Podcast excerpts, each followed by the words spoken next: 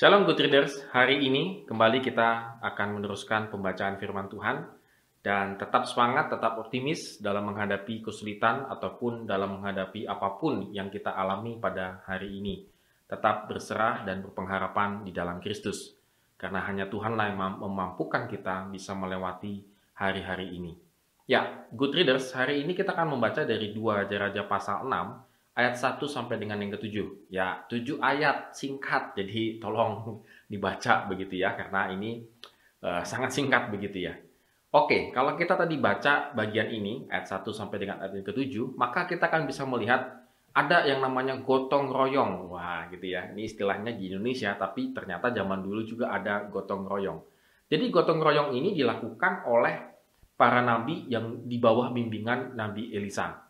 Karena tempatnya sudah sesak, ruang belajar yang sesak, pondoknya sesak, maka mereka bergotong royong bahu-membahu untuk membangun pondok yang baru. Nah, apa yang terjadi? Uh, kita bisa melihat di sini ada satu kejadian yang yang fatal sebenarnya, yaitu kapaknya jatuh begitu ya. Sederhana sekali, kapak itu jatuh, mata kapak ya, maksudnya mata kapak itu jatuh ke sungai. Tentunya kalau jatuh ke sungai, walaupun kedalamannya dangkal, misalnya satu meter gitu ya, tapi kalau sudah jatuh, bingung kan kita mencarinya karena tidak gampang untuk melihatnya. Apalagi kalau itu sungainya adalah sungai yang cukup dalam. Dan pada saat itu uh, salah satu orang yang kehilangan kapak mata bajak kapak uh, mata kapak ini cukup berteriak-teriak stres kepada Nabi Elisa. Kenapa? Karena ya benda-benda logam pada zaman dulu, pada zaman zamannya ini itu adalah benda yang sangat mahal dan tidak semua orang bisa mendapatkannya, memilikinya. Apalagi mereka itu meminjam. Waduh, kalau sudah meminjam, ini cara bayarnya bagaimana? Padahal situasi pada waktu itu negeri sedang kesulitan dan sedang kelaparan. Tentunya buat mereka itu sangat amat mahal dan tanda petik impossible untuk bisa mengembalikan mata kapak itu kepada yang mempunyai.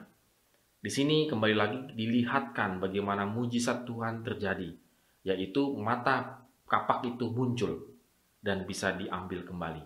Nah, good readers, apa yang bisa kita lihat di sini? Apakah memang uh, uh, uh, mujizat yang jadi fokus kita? Tidak. Tetapi yang kita bisa melihat di sini bagaimana gotong royongnya mereka, kesatuan hatinya mereka, dan saling pedulinya mereka, satu dengan yang lainnya. Ada yang susah, semua susah. Ada yang senang, semua senang.